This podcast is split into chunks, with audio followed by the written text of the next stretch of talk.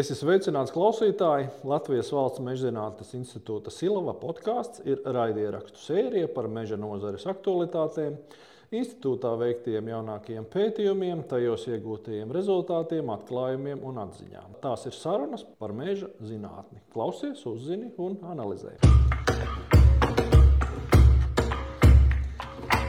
Šodien mums būs saruna ar mežzinātnieku, entomologu Agni Šmitu. Labdien, Agni! Labdien! Varbūt arī sākotnēji pastāstīt, kā tu galu galā nokļuvi pie kukaiņa pētniecības un kā tu nokļuvi Silavā. Kukaiņi ir nejaušība manā dzīvē. Jo beidzot bioloģijas fakultāti, mans diplomdarbs bija par lielākiem dzīvnieciņiem, par caunām. Un meklējot darbu, atnākot uz Silavu, entomologiem bija vakance. Nu, tad sāku iepazīties ar šo darbu. Man uzreiz iemeta darbā, bez kaut kādas virsvadības, pats mācījos, kā darīt. Un tajā brīdī bija brīžotājs savarošanās kurzemē, aizbraucu uz mežu. Pats domāju, kas man ir jāpēta. Tā no lielākiem dzīvnieciņiem es tiku pie mazākiem dzīvnieciņiem, tur arī paliku. Iesprūdu uz 23 gadiem vienā darba vietā. Bet tā interese radās vēlāk, un pamazām no sākuma tā bija neziņa. Un, jauna vieta, bet uh, laika gaitā tas kļuva par manu profesiju un daļai arī par hobiju. Vai tev kaut kas ir palicis arī no tā pirmās intereses par caurnām, vai to tas ir pilnībā aizmirsis, kas bijis bijis? Palikusi varbūt nedaudz nostalģija, satiekot Jāni Ozoliņu, kas man bija diplomāta vadītājs. Kaut kad par dzīvniekiem arī parunājam, gan par caurnām, gan par lēčiem, gan par vilkiem. Bet Tas viss ir aizgājis un palicis vēsturē.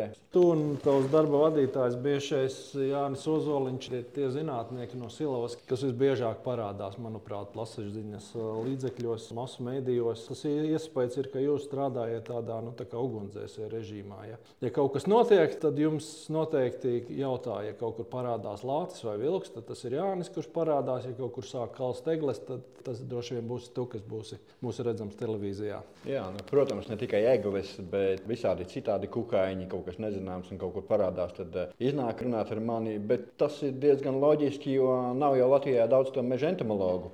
Kādreiz, kad vēl uh, mans kolēģis, bijušais Mārtiņš Bičevskis, kurš nu, jau ir citā saulē, bija kādā seminārā, tad es lepni teicu, šo semināru savākušies 100% visi meža entomologi Latvijas, jo visi divi. Tāpēc mm -hmm. arī nonāk pie manis visi jautājumi, kas saistīti ar meža kukaiņiem. Droši vien lielākajam vairumam klausītāju tā pirmā doma, tas stereotips par entomologu ir, ir zinātnieks, kas brauc ekspedīcijās uz Āziju vai uz Dienvidameriku, meklē jaunas sugas un saprot, ka tavs profils ir absolūti savādāks. Jā, nu, protams, es neesmu gluži prototyps Paganelam ar tauriņu ķermotīklu. Kaut gan ar tauriņu ķermotīklu arī iznāk kādreiz pastaigāt. Nav tā, ka gluži nē. Bet um, entomoloģija ir diezgan dažāda zinātnē. Tas, kas ir vairāk saistīts ar ekspedīcijām, ir eh, par sugām, sistemātika un tāda lieta. Man ir vairāk tā kā meža ekoloģija, uzvedība. Es varbūt nestrādāju ar tik ļoti daudz kukaiņu sugām, ar bioloģisko daudzveidību, bet drīzāk eh, iesprūstu pie vienas eh, sugas un tad dziļi pētu gan ietekmes, gan uzvedības, gan visu pārējo. Bet ņemot vērā, ka Latvijā nav to meža entomologu ļoti daudz, tad man iznāk strādāt ar vairākām sugām. Protams, tas egļu astoņzobu izgrauzis, ko visi pazīst, tas ir topā un ar to iznāk ļoti bieži saskarties. Bet ikdienā pētījumi tomēr ir par citām sugām. Nu, šī brīdī, piemēram, priežu lielais smecernieks vai galotņu sežrobu izgrauzis vai priežu auģu tīklapsenē, tās trīs sugas, kurām man ir vairāk laiks veltīts nekā tam egļu astoņzobu izgrauzim. Droši vien tas pats egļu astoņzobu izgrauzis ir šobrīd tā lielākā aktualitāte, bet es pieļauju, ka tāpat arī tavā ikdienā, tavā e-pastā ik pa brīdim iekrīt kaut kādi jautājumi no cilvēkiem, kas staigā pa mežu, piemēram, kāpēc šajā augustā augšņiem pazūd lapas. Jo droši vien tu neesi pasargāts no tā, ka tev arī jāpilda tāda funkcija, kā zināmā mērā jāizglīto sabiedrība par šiem dabas procesiem. Protams, ikdienā ļoti bieži nāk saskarties ar meža īpašniekiem, un ne tikai meža īpašniekiem, arī parastiem ierīnas cilvēkiem. Un tā pieminētie augšņi bija ļoti labs piemērs pagājušā gadā. Kas notiek? Visi augšņi brūni, melnākšņi, baltākšņi vai vai. Un tad es mēģināju iestāstīt, tagad ir iespēja paņemt savus bērnus ekskursijā, aizvest, parādīt, kāda izskatās apšu apgrauži, mazi kāpuriņi, kuriem ir raksturīga ārējā sekrēcija. Viņam ar mazu zariņu pieskaries, viņš izpūš smukus oranžus burbulīšus dažas sekundes, un tad var pastāstīt par ekoloģiju. Kokiem nekāda īpašā vaina nav, tie atdzīvosies, bet arī šeit varam atrast to skaisto. Protams, ir daudz dažādi jautājumi. Piemēram, zeltainās mūķiņas savarošanās Latvijā pirmo reizi pietiekoši nopietna, lai gan īsti nezinām, ko ar viņu darīt. Tur sadarbība ar auga aizsardzības dienestu nedaudz iesprūdusi, bet mēģinām risināt. Bet ir arī tādi jautājumi, piemēram, ko darīt ar eglēm, kā izārstēt eglis. Man viņas pilnīgi veselas, tikai miza nokritusi. Nu, tāds jautājums man ir vairāk reizes bijis. Jā, tas ir diezgan tipisks kursos. Bieži vien cilvēkiem liekas, ka atliek tikai kaut kādu uzkaisīt pulverīti vai iedot poti tam kokam, un viņš taču paliks vesels. Bet, diemžēl tā tas nav. Runājot par potīti, tas nemaz nav tik tālu no patiesības. Eiropā gan īsti nē, bet Amerikā ir ļoti populāra koku potēšana, vairāk pret slimībām, bet arī pret kukaiņiem tiešām iešpricē kokā attiecīgas eh, vielas, kas palīdz viņam cīnīties pret slimībām. Eiropā nav, nav reģistrēti šie preparāti, bet gan jau tā arī būs nākotnē. Es domāju, ka pienāca tas brīdis runāt par nejauko mazo kukainīti, kurš tik daudz galvas sāpes šobrīd rada. Tie monitoringa dati, ko šobrīd rāda par um, negļu astoņu zobu izgrauzi, jau pirms gada tās kartes bija tādas, kur Latvijas teritorijā bija tādi salīdzinoši nelieli sarkani pleķi, kur ir šie masveida uzliesmojumi. Tad šogad tā situācija izskatās daudz dramatiskāk. Varbūt var iepazīstināt, kāda, kāda šobrīd ir tā situācija. Pēdējo divu gadu laikā egļu astoņu izgrauzes ir tiešām savairojies masveidā. Un, uh, ja Eiropā tā ir vētra, kas radīja šīs savairošanās, Tad Latvijā tas ir tīri klimats, pietiek divām sausām, karstām vasarām, gariem rudeņiem būt, lai rastos šī savairošanās. Un, ja mēs paskatāmies uz kartēm, tad es parasti saku, ka mēs Latviju varam sadalīt divās daļās, pa labi un pa kreisi. Pa labi ļoti slikti, pa kreisi netik traki. Tas nozīmē, ka kurzemē tas izgrauzts ir, bet salīdzinoši tas nav tik traki kā Bidzemē, Sēlijā, kur braucot ar uh, mašīnu pa ceļu, vienkārši pamanot pa labi, pa, pa kreisi acis, var redzēt tik daudz postažas ka tiešām liekas, ka viss ir pagalā. Kur zemē ir bojāts audzes, bet tur tomēr tā aina ir daudz savādāka. Jāsaka, tā, šobrīd ir slikti, bet uh, nav tā, ka mēs ar egli vairs nevarētu saimniekot. Jāņem vērā, ka egļu astoņdzīvu izgrauzes ir pieauguša auga kaitēklis un jaunaudzes aug vietā ļoti labi, pat ja šajā brīdī mēs būsim spiesti novākt Tās egļu audzes diezgan daudz no viņām, kas ir vecākas par 50 gadiem, 50 gadīgas, 60 gadīgas, 70 gadīgas. Tad vietā aug 20, 30, 40 gadīgas egļu audzes, kas šo nišu aizpildīs un, un nebūs tik traki. Vienkārši šī brīdī jāmēģina saprast, kā saimniekot, lai to situāciju uzlabotu. Ja mums ir pieredze pēc 2005. gada vētras, kad tika izsludināta ārkārtas situācija 2007. gadā, divu gadu laikā mēs praktiski atgriezāmies līdz tādam normālam stāvoklim mežos. Arī šeit es ceru, ka mēs nonāksim līdz samērā normālam stāvoklim dažu gadu laikā. Mums ir visa šī rezultātā jāpārdomā tā mūsu arī saimnieciskā darbība, ko mēs veicam mežā. Un, ja tev, tev minētie 50 gadi, slieksnis, kad paliek šī problēma bīstama, nopietna, riska lielāka egļu apsaimniekošanā. Tad šobrīd jau saimniekojot saimnieciskajos mežos pēc galvenās cirsta caurmēra, mēs varam taču tās egles novākt ātrāk un, un tie riski mazinās. Jā, ja salīdzinām teiksim, divas valstis, Zviedriju un Latviju. Tā lielākā atšķirība ir tā, ka Zviedrijas mežos lēmums par um, koku ciršanu ir saimnieciskais lēmums, uh, ko pieņem meža īpašnieks. Latvijā to regulē likumi, noteikumi. Un, uh, Katrai situācijai praktiski nevar uzrakstīt likumu. Tā arī tā lielākā problēma, ka mums jādzīvo likuma rāmī, kurš nav piemērots, lai mazinātu egļu asnodzemes izgraužu ietekmi. Tad, tad uh, mums ir noteikts, egli audzē 80 gadus. Un punkts. Ja mēs runājam par um, sausiem tipiem vēri, tad uh, ļoti bieži normāli saimniekojot, mēs tos 80 gadus arī sasniedzam. Bet, ja runājam par susinātiem tipiem, kūdeņiem, piemēram, tad um, egli tur neaug tos 80 gadus. Viņi ļoti labi aug 40 gadus, 50 gadus. Un ļoti daudzās vietās viņi sāk nīkuļot. Iespējams, ar ūdens režīmu saistīts, jo eglē ir ļoti sekla sakņu sistēma. Tad, kad tā egli ir izaugusi pietiekoši liels caurmērs no saimnieciskā viedokļa. Bet eh, nu, no ekoloģijas mēs varbūt gribētu viņu ilgāk audzēt, bet tā egli neaug. Un ko tad darīt?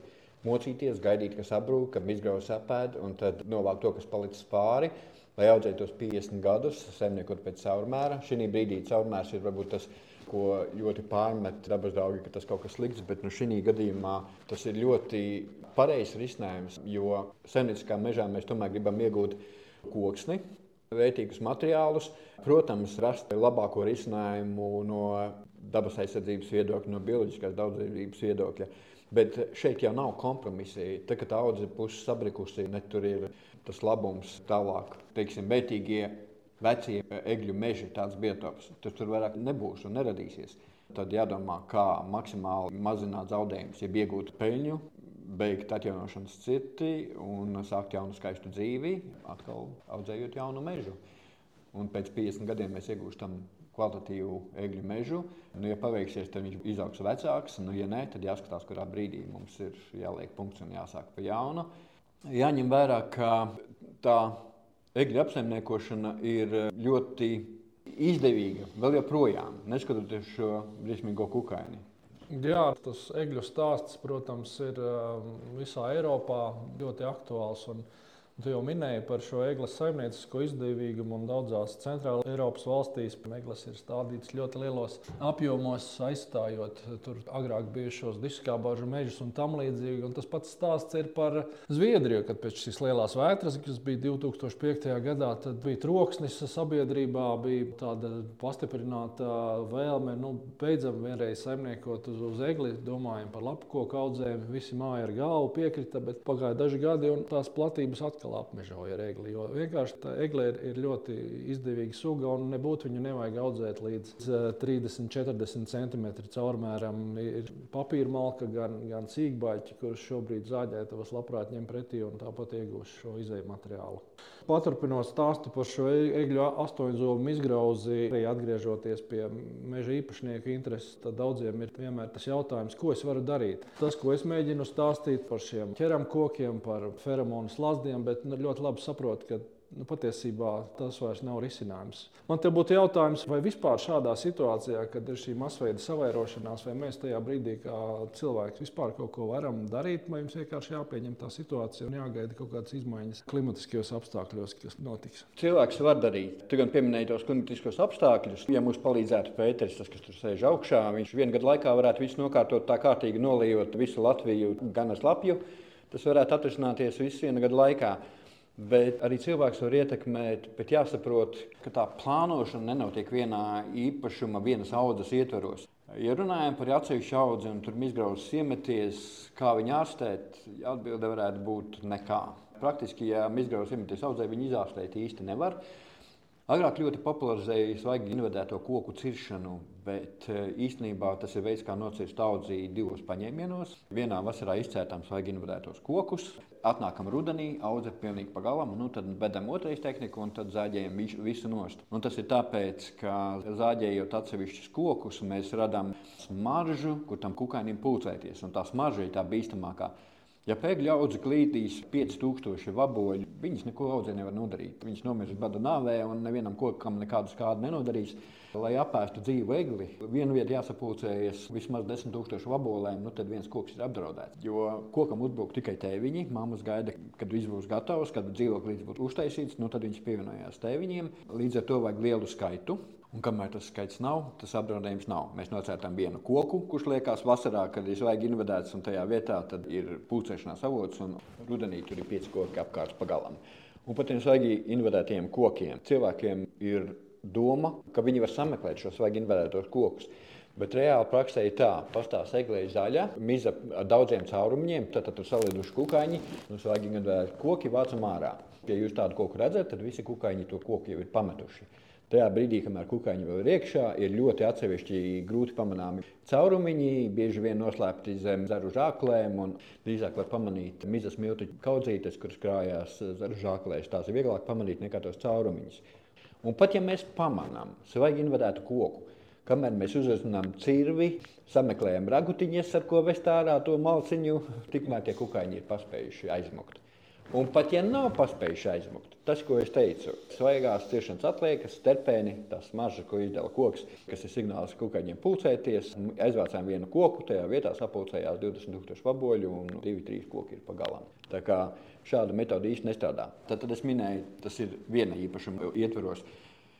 Tad pareizākais lēmums ir negaidīt, kamēr tā visa audze iet postā, bet eh, novākt ražu un sākt jaunu dzīvi.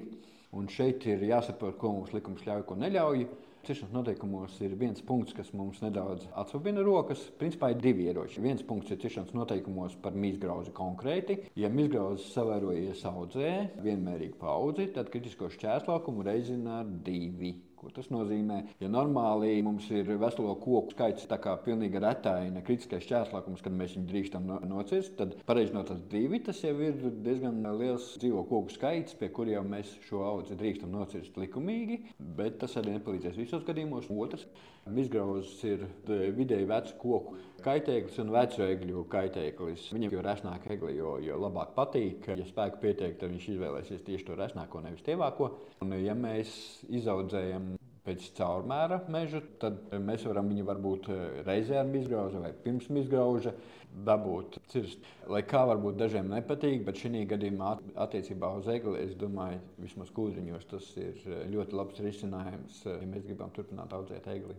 Tieši tā, kārtīgi reiz jāskaidro, ka nebūtu nav tā, ka mežonieki tagad grib izmantot situāciju šo un nocirst pēc iespējas vairāk. Tur ir tāds par to, kā, kā mēs tam sunītam to asti tur īsināsim pa maziem gabaliņiem vai visu uzreiz. Nu, diemžēl tā situācija ir, ir tāda, kā ir. Un kā jau tu minēji, tās eglis izārstēt vairs nav iespējams.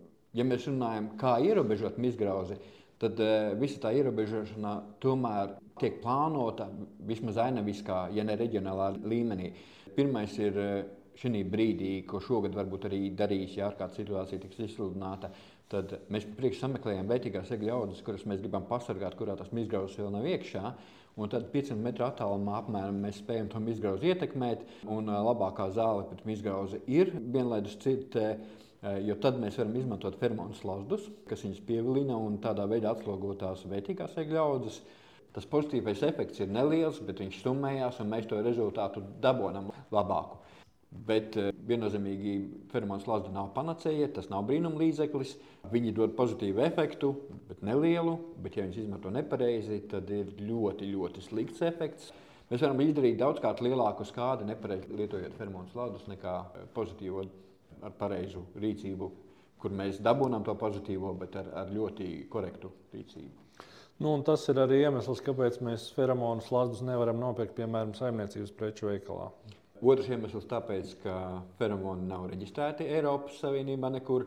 Un nav reģistrēti nevis tāpēc, ka viņi būtu slikti vai kaitīgi, bet tāpēc, ka tirgus ir, ir gana mazs un ražotājiem neatmaksājas. Tas ir liels naudas, lai reģistrētu kaut kādu auga aizsardzības līdzekli. Tas ir ļoti sarežģīti un dārgi, un uzņēmumi nav, nav ieinteresēti. Līdz ar to visās valstīs šie feromoni tiek lietoti ar ikreizēju atļauju Un Latvijā, piemēram, ja mēs gribam to nokārtot, mums jāprasa atļauja auga aizsardzības dienestam, viņi izvērtē riskus, un tas maksā naudu, un tad dod šo atļauju. Un smieklīgākais tas, ka ienāk divi meža īpašnieki viens pēc otra ar divu dienu atstarpi, un katram tiek e, aprēķināti riski, izvērtēti, un samaksa katram tiek iekasēta. Bet jā, privātam šī brīdī nav īsti pieejami šie fermoni lietošanai. Parunāsim varbūt arī par nedaudz citām tēmām. Droši vien daudzus interesē, nu, zinot šo situāciju, dramatisko, kāda ir ar egļu astoņzobu izgrauzi. Daudziem varbūt interesē, ko tad vēl tā klimata izmaiņas mums nākotnē var vest kaut kādus jaunus kukaiņus. Vai ir pamats uztraukties šobrīd, ka mums varētu būt kaut kāds, vai mums ir kaut kādas bažas no kaut kādiem kaitēkļiem, kas varētu no dienvidu puses mums šobrīd tuvoties? Ir vairākas sugas, kas mums ir uztrauc. Teiksim, ja kādreiz uzskatījām, ka priede ir ļoti noturīga pret kaitēkļiem, tad lūkstoši tomēr e, uzbruk tikai tiešām novājinātām priedēm, piemēram, pēc degumiem vai kaut kādu citu iemeslu dēļ, tad e, šobrīd mums ir ļoti aktualizējusies suga, kas mums ir bijusi izsenis, bet pēdējā laikā rada aizvien vairāk kaitējumu un paliek aizvien agresīvāk ne tikai pie mums, bet visur Eiropā. Tas ir galotņu sežobu izgrauzis, kas ir brālēns egļu astoņzobu izgrauzim. Ja mēs skatāmies latīnisko nosaukumu, tad egļu astoņzobu izgrauzim ir ips tipografus. Un galvenais sežobu izgrauzim ir arī ips, tikai akuminātus. Nu, tā kā viņi ir radniecīgas sugas. Tad, tad ja galvenais sežobu izgrauzis iemeties priedēs, tad no, no zemes īstenībā nevar redzēt. Miza veselā, kukaiņa ieskaits neredz, pat nogriežot ar nazīm mizu, lūkšana zaļa. Šis kukaiņš dzīvo tikai pa galotnes daļu, un, teiksim, ja mazāks koks viņš nokaust viena gada laikā, lielāks koks var nokaust divu vai pat trīs gadu laikā. Šādas kaustošas atsevišķas koku grupas eh, diezgan bieži varam novērot. Un pēdējos gados mums arī ir tik tālu, ka veselas audzes ir nopostītas. Hektārs, divi hektāri, lielākais ir bijis 15 hektāri. Tas arī jāstāsta, kā tas attīstīsies, un, un jā, jāmācās ar viņu sadzīvot vai viņu ierobežot. Tā būtu viena suga. Tad, eh, ja runājam par tādu vēl lielu aktualitāti, oši mēs zinām visi par slimībām. Kalst praktiski visas ošu audzes ir gājušas bojā, bet atsevišķi oši ir palikuši. Un tie izdzīvošie oši, ja viņi pārdzīvo šo slimību, no šī brīdī tiek runāts Eiropā par kloniem vai atlasīt ošus, kur ir noturīgi pret slimību. Ir cerība, ka, ka nākotnē izdosies izveidot stādaudzētavās eh, pret slimību noturīgus ošus. Nākošais risks mums ir smaragdzaļā krāšņa bole, kurā pamazām tuvojas Latvijas robežai. Un ir risks, ja šī vabola atnāks līdz Latvijai, tad došiem būs ļoti, ļoti grūti. Tie, kas būs pārdzīvojuši slimību, tad tie arī no šīs vabolas var aiziet bojā. Pēdējais, starp citu, Pēterburgā ir, ir iepērnējies šī vabole. Es jau garām ejot pieminēju Zabvedu ar mūķeni. Nu jau vairākās saimniecībās un visticamāk ieceļojusi ar augļu kokiem, jo ir eh, vairākās vietās nesaistītās viena ar otru nu, saimniecībās un augļu dārzos. Viņa konstatēta, Šis ir arī meža kaitēklis. Šim kaitēklim ir 600 eh, saimnieku augi. Praktiski visi lapkoki Viņam ir ēdama, vislabāk patīk ozoli bērzi. Un šī suga ir eh, nepatīkama ar to, ka tā ir kaitīga arī cilvēkam, ļoti, ļoti alerģiska. Kontaktā ar kāpuriem cilvēkam rodas izsitumi. Jāuzmanās cilvēkiem, kam ir astma, tas var radīt sāsinājumus, var bīties pat letāli. Vismaz eh, pāris gadījumi ir literatūrā minēti. Acīs var nonākt. Šiem kāpuriem ir toksiski matiņi, ļoti sīki, maza daļa no milimetra. Viņš rada šo alerģisko reakciju uz ādas vai uz ļotādas vai acīs nonāk. Tas arī kukaiņš, kas nākotnē varētu radīt bažas mums. Ja paskatāmies nedaudz tālāk pagātnē, tad 2008. gadā pirmo reizi Latvijā tika novērota ozola mūķenes savairošanās. Līdz šim nebija bijis. Es Pat tajā gadā braucu uz Lietuvu, lai paņemtu paraugus kolekcijai, atvedu mājās, un tajā pašā gadā masu savairošanās. Brauciens bija liekas, jā. Katru brīdi jādomā, kas mums var mainīties faunā, un tas klimats arī mainās. No šī zeltveda ar mūķene pilnīgi noteikti ir no dienvidiem nākusi suga. Nezinot kontekstu, klausoties tevi, kā tu stāsti par krāšņiem abolēm un zeltainām mūķinēm, liekas, ka tas taču ir tik jauki, bet tad tu to visu nokauj un izstāsti. Kādi neradījumi īstenībā ir šie kukaiņi.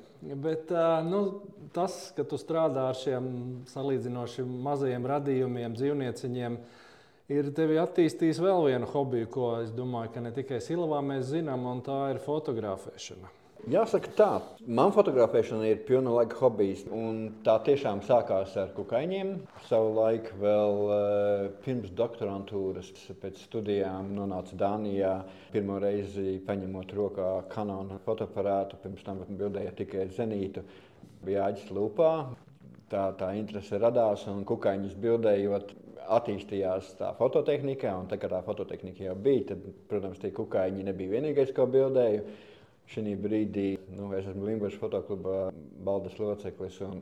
Tas prasa ļoti daudz laika, bet arī dod ļoti daudz gandarījumu, principā arī daudz līdzekļu.